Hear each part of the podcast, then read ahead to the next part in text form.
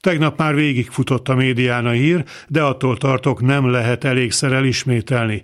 A harmadik Brexit évforduló alkalmával elvégzett közvéleménykutatáson a brit választókerületek csak nem mindegyikében az a nézet bizonyult többséginek, hogy hiba volt az Egyesült Királyság kilépése az Európai Unióból.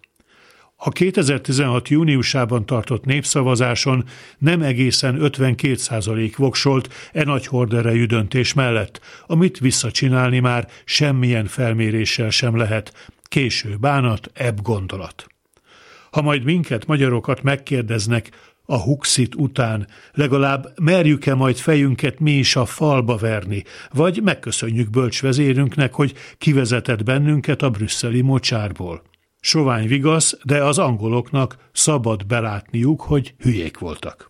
Ez a pálya, illetve a ködös, de azért imponálóan jómódú Angliáénál sokkal rögösebbnek ígérkező pálya még előttünk áll, és nem is egészen biztos, hogy végig fogunk menni rajta.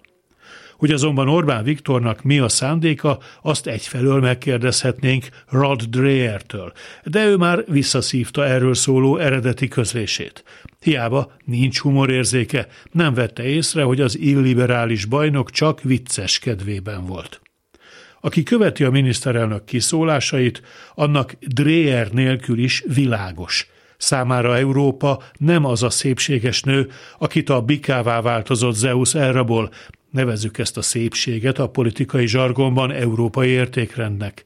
Orbán számára Európa csak egy fejős tehén. Annyiban még csak-csak hasonlítunk az angolokra, hogy nem igazán tudjuk eldönteni, miként viszonyuljunk Európához.